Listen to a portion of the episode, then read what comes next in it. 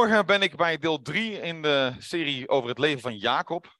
Ik heb er al twee keer over gepreekt. Als u dat uh, hebt gemist en u wilt terugkijken, dan kan dat op YouTube. Dat geldt overigens voor al onze preken. Vergeet dan niet ook meteen te liken.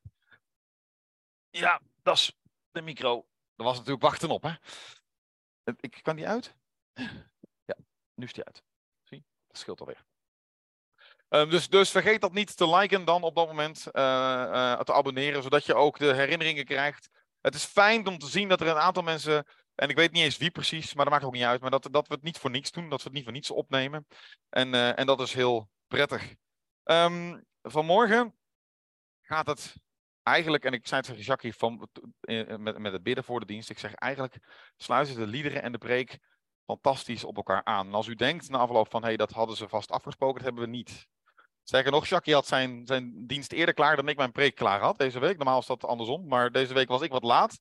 Dus het is wat dat betreft, nou ja, vult u het zelf maar in. Voelt u het zelf maar aan. Um, het gaat in dit thema over op God vertrouwen, ondanks omstandigheden en keuzes. En ik wil even terug naar wat ik de vorige keren ook al heb gedaan. Ja, het is een beetje moeilijk zichtbaar met dat licht, denk ik. Maar ik denk de volgende slide dat je die wel kunt zien. Um, dat zijn die matrushka's. Die, ja, nee, dat helpt het van buiten. De, de, misschien kunnen we een paar van de zonneschermen naar beneden trekken. Dan uh, hebben we wat meer, uh, meer duisternis. Hè? ja. Dat is wat we willen nu. Nou, Lisanne is net te kort. Dat is ook wat, hè? yes, dankjewel. Het, het helpt wel iets, maar nog niet genoeg misschien. Maar goed. Anyway, ik ga lekker verder. Um, die matroeska's, en misschien kent u ze wel, dat, dat zijn die Russische houten uh, snijwerken die zo prachtig geschilderd zijn. En als je er eentje openmaakt, dan zit er precies een identieke in, in, een kleinere versie. En als je die weer openmaakt, een kleinere, net zolang tot je de allerkleinste hebt, tot je bij de kern komt. En dat is eigenlijk typerend voor het leven van Jacob. Het leven van Jacob bestaat uit conflict, in conflict, in conflict, in conflict, enzovoort. En het gaat niet om de chronologische volgorde, maar het gaat wel om de, de volgorde van diepte. En de eerste laag van conflict is dat conflict tussen Jacob en zijn broer Esau. En eigenlijk zitten we daar nog steeds, bij dat eerste laag van conflict. Een, een laagje dieper gaat over Jacob en zijn zonen. Daar komen we misschien ooit nog wel aan. Uh, ligt er aan hoe lang we erover doen. Uh, ligt ook aan welk deel je precies bedoelt. Want niet alles heeft te maken met het leven van Jacob. Nog een laag dieper is uh, het, leven, of de, het conflict tussen Jacob en Laban. Daar gaan we de volgende keer naar kijken. Het conflict tussen die twee is ook eentje om, uh, om in de gaten te houden. Nog een laag dieper is het conflict tussen zijn beide vrouwen, Rachel en Lea. Ik heb medelijden met Stephanie, want Stephanie moet al die namen tolken. En, uh, en, en dat is geen eenvoudige opdracht. En dan heb je ook nog zo'n Hollander die verschrikkelijk snel spreekt. Dan is het nog moeilijker. dus Dankjewel, uh, Stefanie, om die, om die uitdaging aan te gaan vanmorgen met mij. en de diepste laag, en daar komen we bij de kern, bij dat kleinste poppetje, is het conflict tussen Jacob en God. En dat is iets om in de gaten te houden. We gaan lezen en, en, we lezen Genesis hoofdstuk 27. Ik heb het op de beamer mee, u mag het ook zelf lezen. Maar we vallen eigenlijk een beetje midden in het verhaal. Als ik kijk naar de vorige keren, dan hebben we gekeken naar de naamgeving van Jacob. Jacob, zijn naam is in verband gebracht met oplichting. hij, eigenlijk krijgt zijn naam de betekenis van de oplichter. En, en dat doet hij ook, want hij steelt één, de, de, de grootste erfenis van zijn broer. En twee, steelt hij de zegen van zijn vader, ook die eigenlijk zijn vader aan zijn broer had bedacht. Dus zijn, hij doet zijn naam aan. Dus dat is, dat is één. En eigenlijk ben ik daar de vorige keer gestopt met dat Jacob die zegen had gestolen en dat zijn broer boos is en dat hij dreigt hem te vermoorden. En dan komen we in hoofdstuk 27 en dan vanaf vers 42. We vallen er even middenin. Daar staat, toen Rebecca vernam wat haar oudste zoon Esau van plan was, liet ze haar jongste zoon Jacob bij zich komen. Luister, zei ze, je broer Esau zint op wraak. Hij wil je vermoorden. Doe daarom wat ik zeg, mijn zoon. Vlucht onmiddellijk naar mijn broer Laban in Garan. Blijf voorlopig bij hem, tot de woede van je broer bedaard is. Ik zal je laten terughalen als zijn woede bekoeld is en hij vergeten is wat je hem hebt aangedaan. Waarom zou ik me op één en dezelfde dag van jullie beiden laten beroven? Daarna zei Rebecca tegen Isaac, ik kan die Hethitische vrouwen niet meer luchten of zien. Stel je voor dat Jacob ook zo trouwt met zo'n Hethitische, zo'n meisje van hier. Wat heeft het leven mij dan nog te bieden? Toen liet Isaac Jacob roepen, zegende hem en hield hem voor, trouw in geen geval met een meisje uit Canaan. Vertrek van hier, ga naar Padan Aram, naar de familie van Betuel, de vader van je moeder, en trouw met een van de dochters van Laban, je moeders broer. God, de ontzagwekkende, mogen je zegenen, je vruchtbaar maken en je veel nakomelingen geven, zodat er een groot aantal volken uit je voorkomt. Mogen hij jou en je nakomelingen de zegen van Abraham geven, zodat je het land waar je nu nog als vreemdeling woont en dat God aan Abraham heeft gegeven, in bezit krijgt. Zo stuurde Isaac Jacob weg en hij vertrok naar Padan Aram, naar Laban, die een zoon was van de Arameer Betuel en een broer van Rebekka, de moeder van Jacob en Esau. We slaan een aantal versen over, we gaan naar vers 10. Jacob verliet dus Berseba en ging op weg naar Garan. Op zijn tocht kwam hij bij een plaats waar hij bleef overnachten, omdat de zon al was ondergegaan. Hij pakte een van de stenen die daar lag, legde die onder zijn hoofd en ging op die plaats liggen slapen. Toen kreeg hij een droom. Hij zag een ladder die op de aarde stond en helemaal tot in de hemel reikte. En daarlangs zag hij Gods engelen omhoog gaan en afdalen. Ook zag hij de Heer bij zich staan, die zei: Ik ben de Heer, de God van je voorvader Abraham en de God van Isaac. Het land waarop je nu ligt te slapen, zal ik jou en je nakomelingen geven. Je zult zoveel nakomelingen krijgen als er stof op de aarde is. Je gebied zal zich uitbreiden naar het westen en het oosten, naar het noorden en het zuiden. In jou en je nakomelingen zullen alle volken op aarde gezegend worden. Ikzelf sta je terzijde. Ik zal je overal beschermen, waar je ook heen gaat. En ik zal je naar dit land terugbrengen. Ik zal je niet alleen laten, tot ik gedaan heb wat ik heb beloofd. Toen werd Jacob wakker. Dit is zeker, zei hij. Op deze plaats is de Heer aanwezig. Dat besefte ik niet. Eerbied vervulde hem. Wat een ontzagwekkende plaats is dit, zei hij. Dit is niets anders dan het huis van God. Dit moet de poort naar de hemel zijn. De volgende morgen vroeg zette Jacob de steen die hij als hoofdsteun had gebruikt rechtop en wijde hem door er olie over uit te gieten. Hij gaf die plaats de naam Bethel, maar voordien heette die stad Lus. En hij legde een gelofte af. Als God mij terzijde staat en mij op deze reis beschermt, en als hij me brood te eten geeft en kleren aan mijn lichaam, en als ik veilig terugkom bij mijn verwanten, dan zal de Heer mijn God zijn. De steen die ik gewijd heb, zal een huis van God worden. En ik beloof dat ik u dan een tiende deel zal afstaan van alles wat u mij geeft.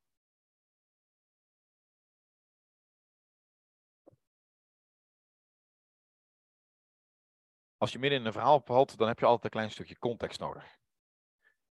In hoofdstuk 26, daar wordt verteld van Esau, die trouwt met kale vrouwen, Hethitische vrouwen. En dat is wat God echt duidelijk had verboden aan Abraham. Dat, had, dat mocht niet. Ze mochten geen vrouwen trouwen uit dat land. En Esau doet het toch.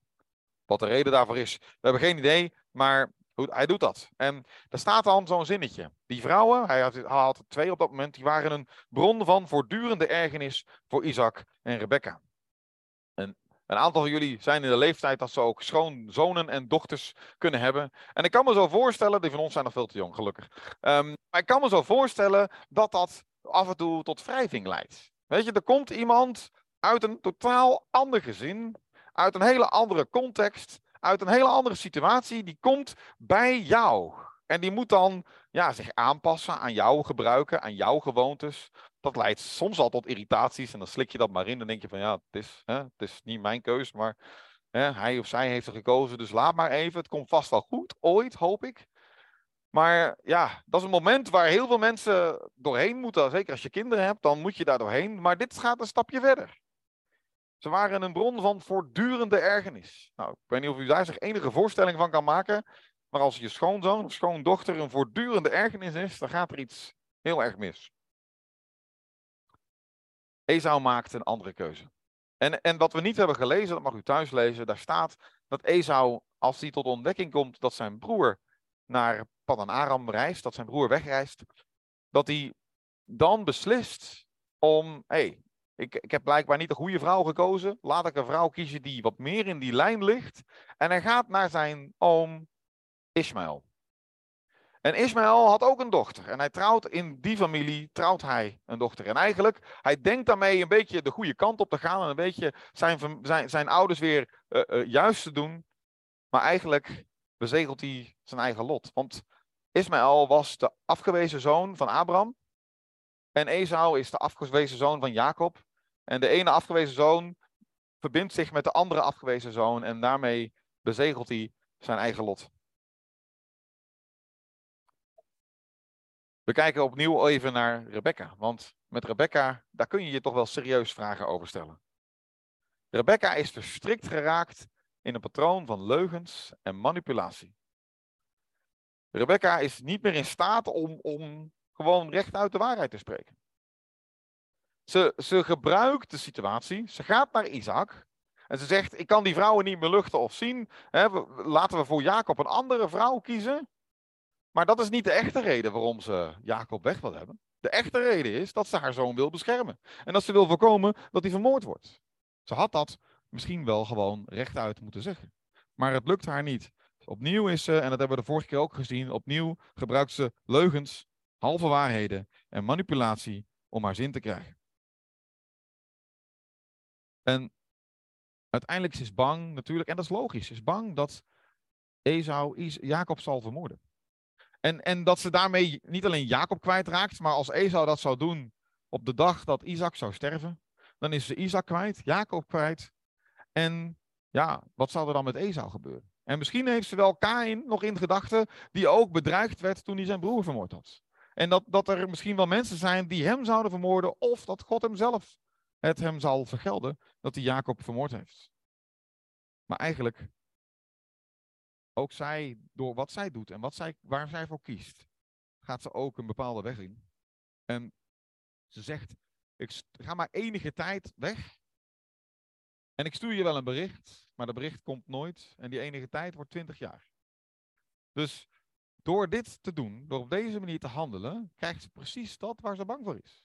Ze verliest eigenlijk haar beide zonen op deze dag, doordat ze niet eerlijk is.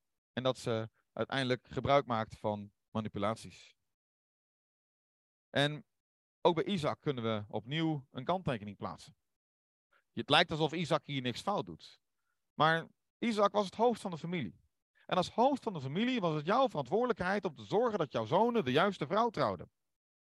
Hij had heel duidelijk van zijn vader Abraham gehoord dat hij niet met de lokale vrouwen mocht trouwen.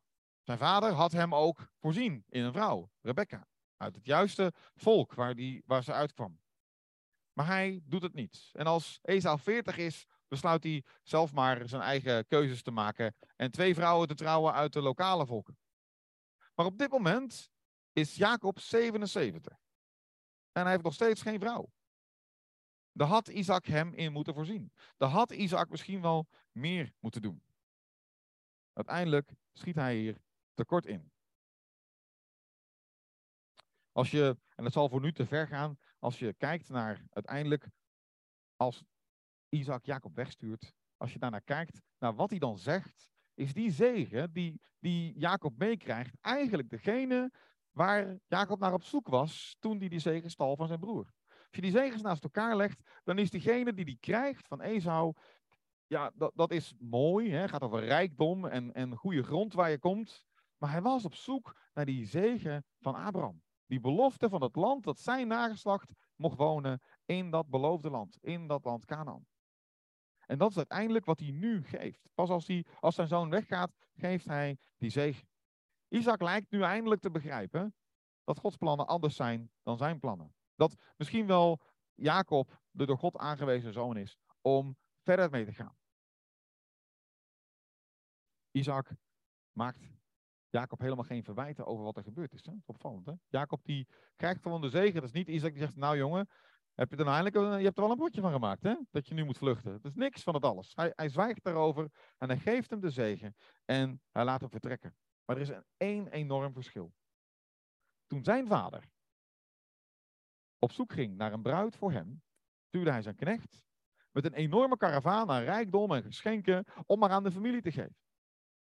Maar Jacob gaat alleen op weg, met lege handen. Hij houdt niets over. Als je goed in de tekst kijkt, dan zie je dat daar enige urgentie zit, enige dringendheid zit. Zijn moeder zegt, je moet nu vertrekken. En zijn vader zegt letterlijk, sta op en ga. Het is moment is nu, je moet gaan. Blijkbaar is de dreiging vanuit Esau zo sterk dat het niet gewacht kon worden. En Jacob vlucht voor zijn broer.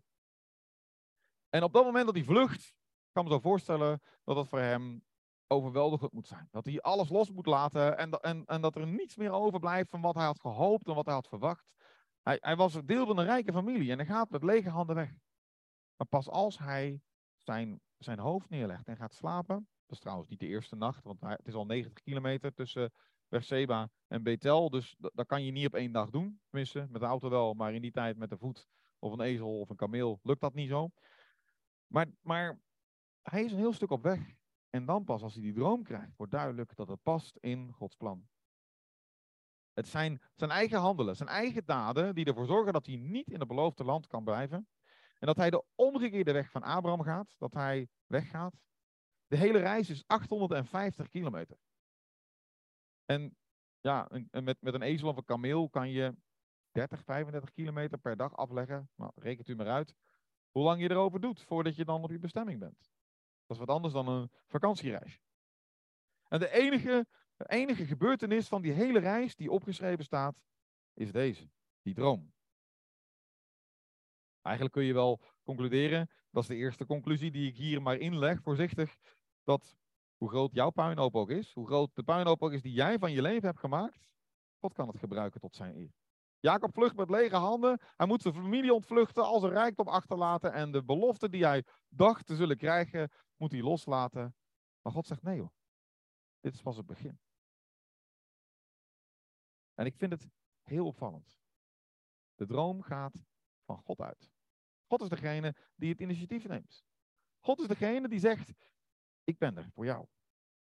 Jacob probeert zelf de hele tijd om die zegen te bemachtigen. Om, om dat te krijgen en, en door, door list en bedrog en door, door slim onderhandelen te krijgen wat hij moet hebben. Maar uiteindelijk zegt God, nee joh, ik geef het jou op mijn voorwaarden. Niet om wie jij bent. En het mooie is, hier is ook zoiets. Gods aanraking met het gewone maakt het gewone heilig. Als God de, vanuit de hemel de aarde aanraakt, dan wordt die plaats waar, waar Jacob is, wordt heilig. En, en misschien zegt u, ja, die ervaring ken ik niet. ik, ik denk dat u zo'n ervaring ook wel hebt. Misschien kent u in, uw, in het verleden wel dat u een plotselinge overtuiging hebt van, ja, God bestaat. Of dat je een, een, een overweldigend gevoel van zijn liefde hebt, van zijn genade kent. Dat je denkt van, wow, dat had ik even nodig. Als je terugdenkt in je leven, ken je misschien die momenten wel. Dat je denkt, ja, God was daar. En zo'n aanraking van God maakt zo'n moment heilig, kostbaar. En een moment om aan terug te denken. Eigenlijk net als Jacob te doen, een steen te pakken, rechtop te zetten, zeggen, hier moet ik aan terugdenken.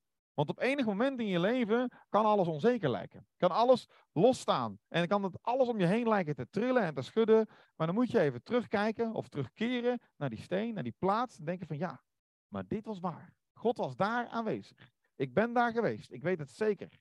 Hoe gek anderen mij ook verklaren, God was daar. Er was een theoloog die het geheel samenvatte als het verhaal gaat over hoe een plaats een heiligdom wordt.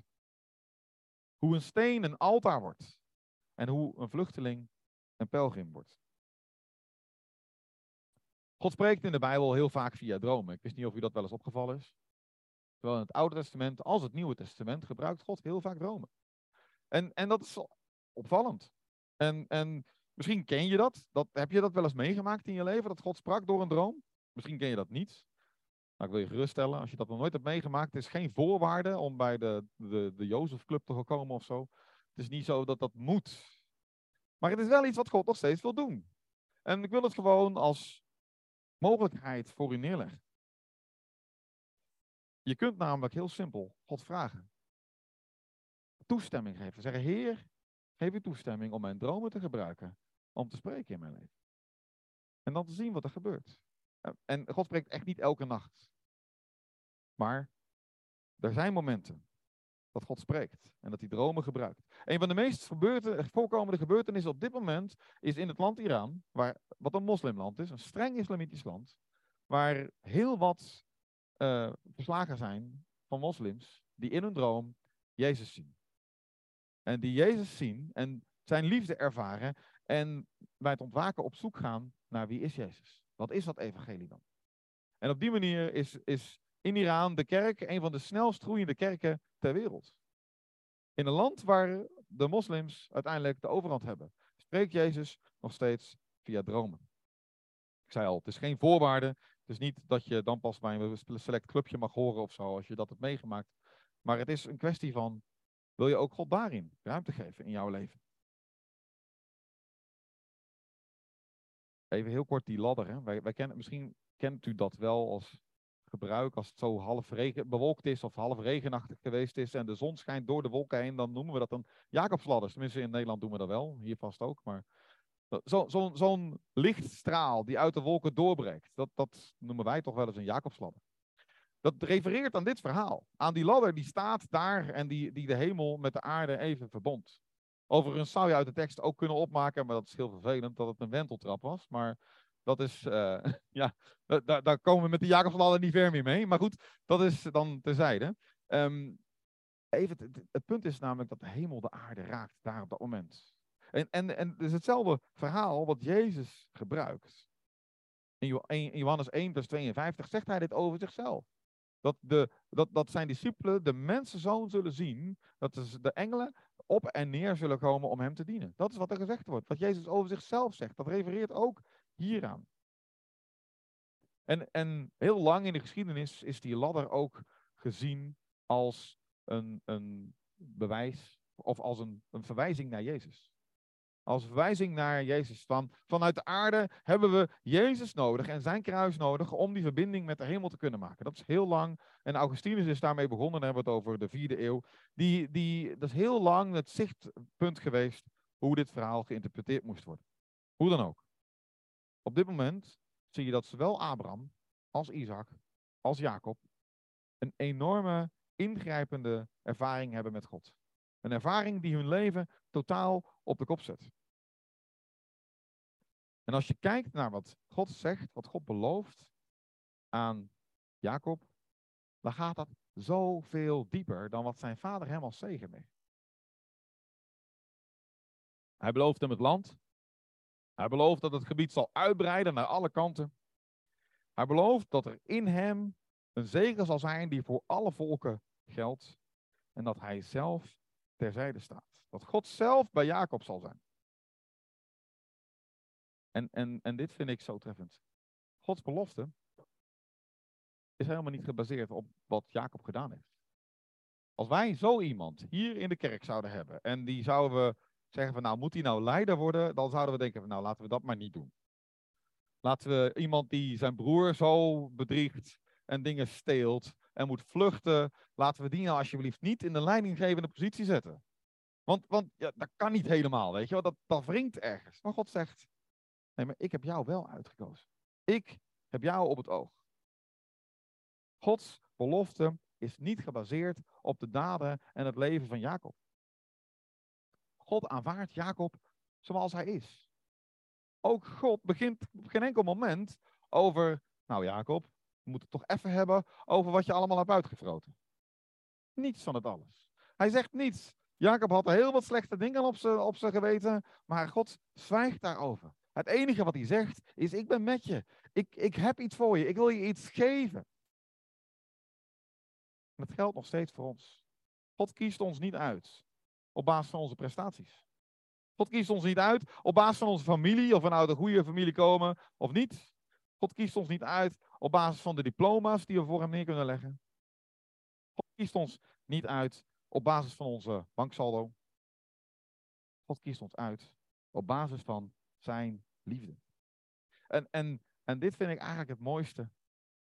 Dat de, de boodschap hier dat God, als God Jacob aanvaardt met zijn bedrog en tekortkomingen, dan is dat ook de boodschap vandaag nog. God aanvaardt jou. God aanvaardt jou zoals je bent. Met je tekortkomingen. Met je verkeerde keuzes. Met je gebroken familiegeschiedenis. God aanvaardt jou. En misschien mag je vandaag eens beginnen met als God jou aanvaardt, om ook jezelf te aanvaarden. Want als God zegt, jij bent goed, ik kies jou, ik heb jou lief, dan is misschien de eerste stap die je mag zeggen, oké, misschien mag ik dan ook mezelf aanvaarden en liefhebben. Niets van wat jij hebt gedaan en niets van wat jij zult doen, kan de liefde voor God voor jou veranderen.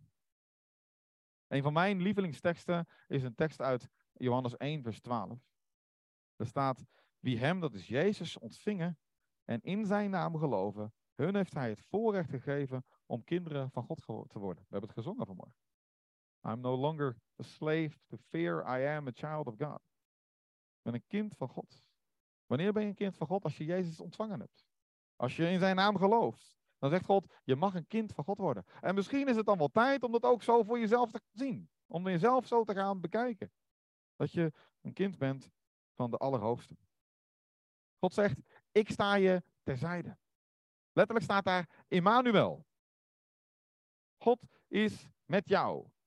Ik ben met jou. Dat is ook wat Jezus zegt tegen zijn leerlingen vlak voordat hij naar de hemel gaat. Zie, ik ben met je tot aan de voltooiing van deze wereld.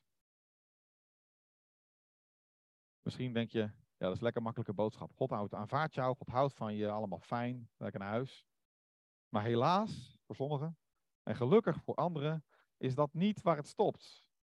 Dat is namelijk niet waar het stopt. God zal Jacob door een proces sturen van loutering en worsteling om uiteindelijk hem wel te laten veranderen. En het proces duurt 20 jaar. Ja. Dus als u denkt, ik ben er nog niet, nou, dat kan. Dat is heel fijn. Want Jacob was er ook nog niet. Maar Jacob krijgt ontzettend veel te verduren bij Laban. Daar komen we op. Hij krijgt echt veel te verduren. En langzaam gebruikt God die situaties in zijn leven om hem te veranderen. Om hem op een andere manier te laten kijken naar de wereld en naar God. Maar in de Bijbel is goed gedrag nooit een voorwaarde om bij het nieuwe leven van God te komen. Goed gedrag is een vrucht van wat er gebeurt als je in Hem gelooft. Dat is het verschil. Kijk het naar de toekomst. En dat is het voordeel als wij de hele Bijbel kennen en het hele verhaal kennen en kunnen lezen. Kijk het naar de toekomst, dan leert dat, dan leert God. Overnieuw. Kijk het naar de toekomst, dan leert Jacob dat hij zichzelf moet toevertrouwen aan God. En moet geloven dat God hem zal leiden en beschermen, zoals God ook gezegd heeft. En dat is precies dat wat wij ook moeten doen. God vraagt of wij ons willen toevertrouwen aan Hem. Gewoon, als God zegt, ik heb jou aanvaard. Ik heb je lief. Je bent mijn kind. Dat we ons mogen toevertrouwen aan Hem. En dat we op Hem mogen vertrouwen dat Hij zal doen wat Hij beloofd heeft. Dat is al moeilijk genoeg. En langzaam zullen we dan situaties tegenkomen waarop we misschien leren om ons geduld niet te verliezen. Leren om minder snel boos te worden. Leren om vriendelijk te zijn tegen iemand die we helemaal niet aardig vinden. Mensen, moeilijke mensen liefhebben. Dat is al een uitdaging op, op zich. Al die dingen. Vul het maar in. U kent zelf uw uitdagingen. Dat is wat God ons langzaam op ons pad brengt. Ik wil afsluiten met de tekst uit Efeze 3. Vers 20 en 21. Daar staat aan hem die door de kracht die in ons werkt, bij macht is om eindig veel meer te doen dan wij vragen of denken. Aan hem komt de eer toe, in de kerk en in Christus Jezus, van geslacht tot geslacht, tot in alle eeuwigheid. Amen. We turn our eyes. Wil je naar aanleiding van deze preek napraten of heb je verdere vragen? Neem dan gerust contact op. Dat kan via veg.deburg.gmail.com of kijk op onze Facebookpagina VEG De Burg.